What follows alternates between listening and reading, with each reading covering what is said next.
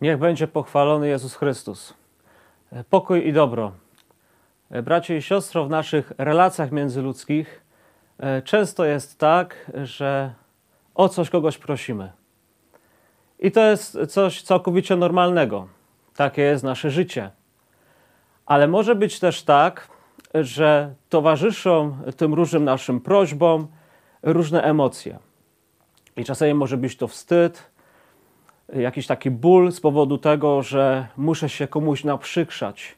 E, mogę sobie e, uroić w głowie takie myślenie, że to, co robię, jest złe, niewłaściwe, że tej osobie, którą proszę, mogę sprawiać jakąś przykrość. W dzisiejszej Ewangelii Pan Jezus przypomina nam o tym, że kiedy jesteśmy w trakcie modlitwy, to powinniśmy zawsze z ufnością prosić o to, o co prosi, o prosić o to, czego potrzebujemy, aby nie stwarzać w so, sobie w głowie takich myśli, że oto ja się teraz za bardzo naprzykrzam, czy że to, co robię, jest w jakiś sposób nieodpowiednie. Pan Jezus posługuje się przypowieścią o ubogiej wdowie i ta uboga wdowa prosi pewnego sędziego, aby jej pomógł w jakiejś sprawie, z którą ona sobie nie może poradzić. I sędzia nie chce jej brać w obronę, nie chce mieć z nią do czynienia.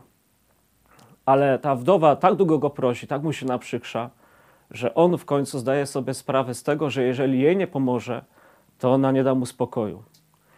I moi drodzy, Pan Jezus mówi, że tacy sami powinniśmy być w naszej modlitwie. Nie dawać Panu Bogu, mówiąc w cudzysłowie, e, spokoju.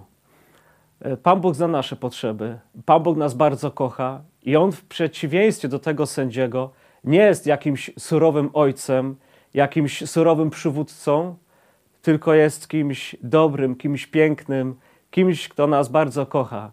I On bardzo chce tego, abyśmy codziennie mówili Mu o naszych potrzebach, naprzykrzali Mu się, abyśmy cały czas przy Nim byli i prosili cały czas o to, czego najbardziej potrzebujemy. Warto sobie zadać pytanie, jaka jest nasza modlitwa. Czy ja codziennie w czasie takiej y, spontanicznej modlitwy mówię Panu Bogu o swoich potrzebach, o tym, co dzisiaj przeżyłem, o tym, co przede mną.